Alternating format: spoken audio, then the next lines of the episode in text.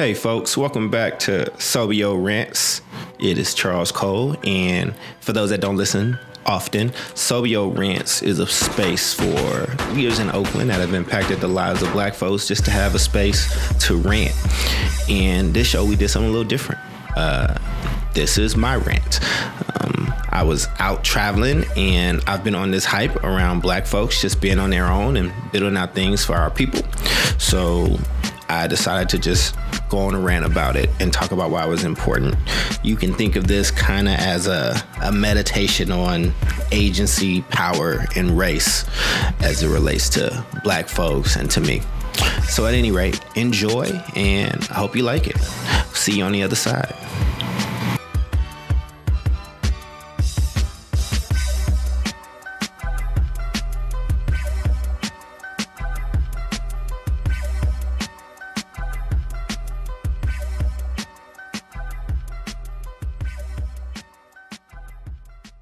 I wanted to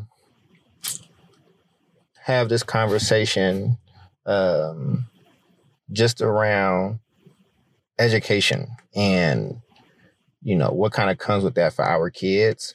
Uh, but I really wanted to talk about one of the things I think our kids lack the most, and not just our kids, but just black folks. Period. I mean, people in eh, of color in general, but I'm speaking specifically to black folks. Um, and I think that's the freedom to to fuck up. Let me explain what I mean by that. Let's just start by defining education versus schooling, right? Education is the knowledge that you actually gain, whether it's knowledge of self and, you know, learn about the things around you and just general knowledge and, and, and then being able to communicate that knowledge out to others. That's um, just a poor man's definition of what education is, right? Schooling is something different. Schooling is the apparatus by which we pass through an educational system. So, what that means is you can be great at schooling and never receive any any education. You can also have terrible schooling and receive a ton of education, right? And I want to define that and, and kind of split those things apart because a lot of people conflate the two. And it can be dangerous to conflate the two because if I'm having a conversation where I'm very clear on these definitions and I'm looking at these as two separate things, and somebody else has conflated these two things, then we could be arguing against each other um, and completely missing each other because we're not having a shared understanding. Right. So one of the things that I try to look at when we talk about education is what you control versus what systems control, right? What's in your power versus what's not in your power, right? So, you know, off top, I want to kill the liberal conservative beef and argument that kind of lives out there of whether is it all systemic or is it all behavior? And the answer that most people, if you actually have a conversation with them, is that it's a bit of both, right? And so I just think that this part is just really important because here's what I know that we can control, or what I can control, or what you can control. One is your level of agency. And agency is a term that's actually kind of foreign to a lot of people. Um, but I think it's becoming a bit more popularized. All agency is is the ability to know what you need and the skills and will to go out and do those things, right? So I have agency if I go to a school, I got the wrong classes. I know I got the wrong classes because I know it's required. I then know to go to the counselor, get that stuff changed. If they don't change it, I know how to escalate that issue up to eventually get what I need. Okay. That's agency kind of in action. Um, the other thing that I control is how hard I work, right? So, how hard I work is um, something that's fully under my control, fully under my purview. How hard do I go? Am I putting in an extra mile? Whatever the case is. You know, knowing how to navigate. That's another piece that's pretty important um, not only right, like, am I getting, you know, am I working hard or doing all this stuff, but do I know the path to take to get to where I need to go? Right? Do I know that I need to go to a counselor to change that grade? Or if that grade, if that counselor don't want to change that grade, do I know how to escalate that stuff? Right? And then part of that also goes into how to make that school work for me. So even if a school isn't super great, let's say say a school is terrible, somebody that has a lot of education or is going to college or done a few different things or whatnot, right? They might they might be able to get the more out of that school than somebody's who has parents that didn't uh, navigate education well or didn't go into college or doesn't have money or whatever the case is. All right. So those are the things that we control. Now, the things that we don't control, right, is racist systems and racism or people's fears of black people or brown people. We don't control necessarily how much folks spend on education, right? Like we don't control how much our state spends on education. Um, we don't control, you know, we don't always control what the curriculum is. Like, like this is something that speaks to me directly because I say this a lot. If my future depends or depended on white people or racist people or rich people waking up one day and no longer being racist, if that's what, what was what was contingent on my success, then just take me out the game because I can't compete in that game. I don't like to like that just takes away all of my agency, right? That takes away all my power because I can't control what other people do, let alone what they feel. Right. So this is the part, like since I talk so much about agency, this is the part where I wanted to veer a little bit more on the systemic and what we don't necessarily control. And one of the ways that I think that we'll see a switch or a change in these things is when black people, black kids, those living in poverty or whatever, actually have the freedom to fuck up. This is what I mean by that, right? Chris Rock, I think it was Chris Rock, right? Like some, I think it was Chris Rock. It might not have been, but the joke was how amazing Barack Obama was. He was the president of his of, of his law school. He was this model citizen. He had done all this stuff and he was brilliant, right? He was like creme de la creme of intelligence and he became president. And then he made the joke that George Bush Jr. was a C student the point that he was making was in a racist society you can get somewhere. You can you can actually do some great things if you are exceptional in that thing if you are a person of color. More specifically like a brown person male or female. You have to be exceptional. And what the point the dichotomy he was building was when you are the majority when you are the people in power when you are white you can just be average and you can still get a lot of great things. So his the punchline was we haven't reached racial equality until we can have a black George Bush in the office. Now I know I butchered his um I know I definitely butchered his his his joke, but I think you get the point, right? Let's also talk about this. Let's bring this down to children our children are often not even allowed to be kids. They have to grow up very, very, very fast. Right. So I often feel that I was born grown. Right. My parents had their own struggles and issues, but I had to carry my weight. I, I helped raise my siblings, right, at a very young age.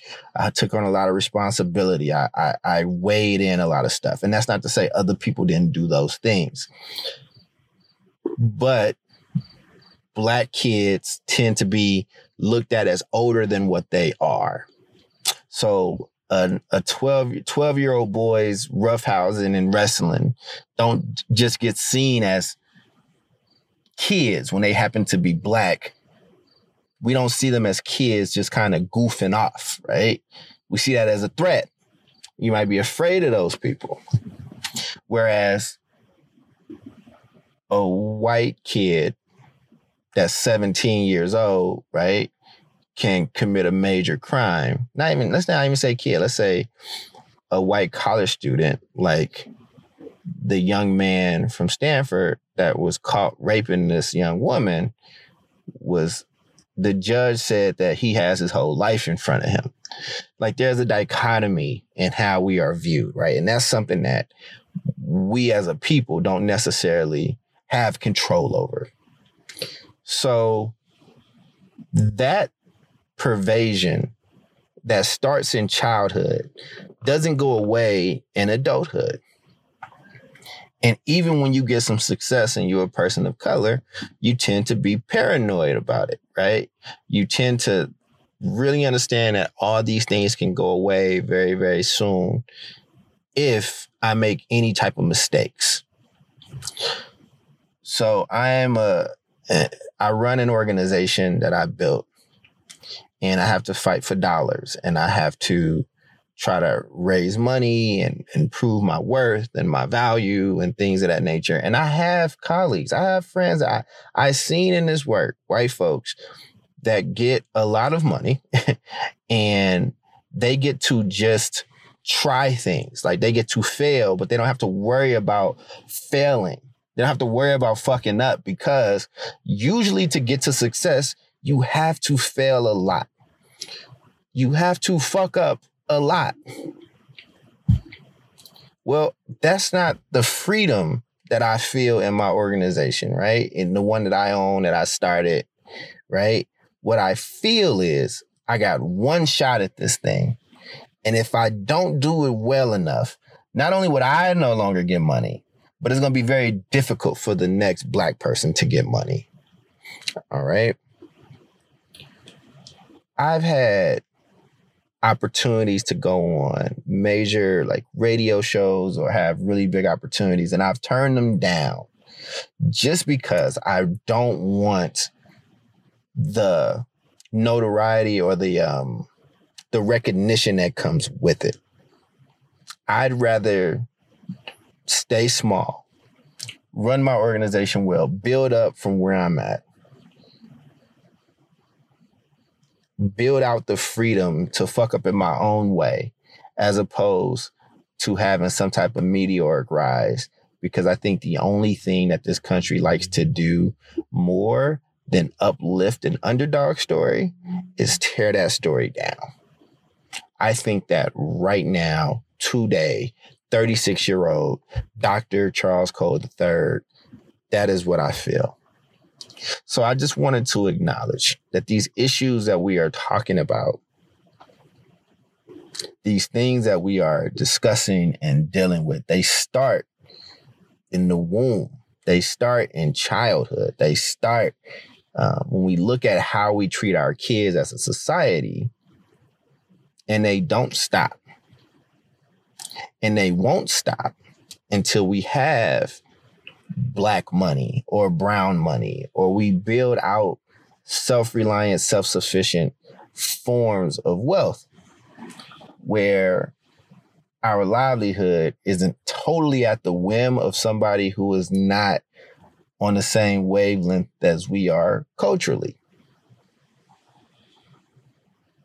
So, this is why these things matter. So, there has to be a balance. There has to be two things happening at once. You have to work hard. You have to be smart. You have to have agency and you have to pave that way for the for the for the now and for the future. But you we also have to figure out a way to try to break the infection on our society that does not allow us the freedom to fuck up. And this is me saying this as somebody who makes a ton of mistakes, who lives with a lot of guilt. And this isn't some self righteous, sad talk or article.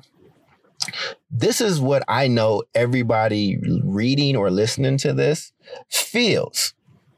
Everybody has something that has brought them deep shame. Everybody has done some things, um, and culture has passed that thing up, and that thing is no longer popular. Everybody has said some things that they're not supposed to say. The issue is, and the problem is, is that we've become such a culture of the emperor has no clothes that so many people are just afraid to be themselves and we partake in these kind of mob mentalities in the moment. For those that don't know or who did not read Aesop fables as a child, the Emperor with No Clothes is the story of a town of a, of a, of a town with a, a very insecure king, and these two shysters and dwindlers knew that everybody was insecure, especially this king, and so they needed to con this king, and they wove him a quote unquote invisible wardrobe an invisible uh, outfit. And what they said is anybody who can't see this beautiful, beautiful outfit we've woven for you isn't fit for their position. So the king, being insecure already, having his own imposter syndrome issues, right? This is before this was even a term says, This is beautiful. He lies and said, This is beautiful. And then he goes out in front of people and his kingdom and he says, Look at my beautiful clothes. Anybody that cannot see these clothes are unfit for their position. And all these adults go with the lie. And it's not until a child, an innocent child, out of the mouth of babes, walks up and says, Hey, you're naked. This child doesn't have to be worthy of anything because he's just a child. That is what we are going through right now in our society. Everybody is lying to themselves, to their neighbors, on social media, all this stuff. Everybody is curating what they are. And if you can't see their virtue signaling, then you are not worthy of your position. But the only thing we can do is hope that our children save us, who should only have to worry about being children. And when they walk up to all of us, point at us and laugh and say, Hey, you're naked, will we be able to actually listen?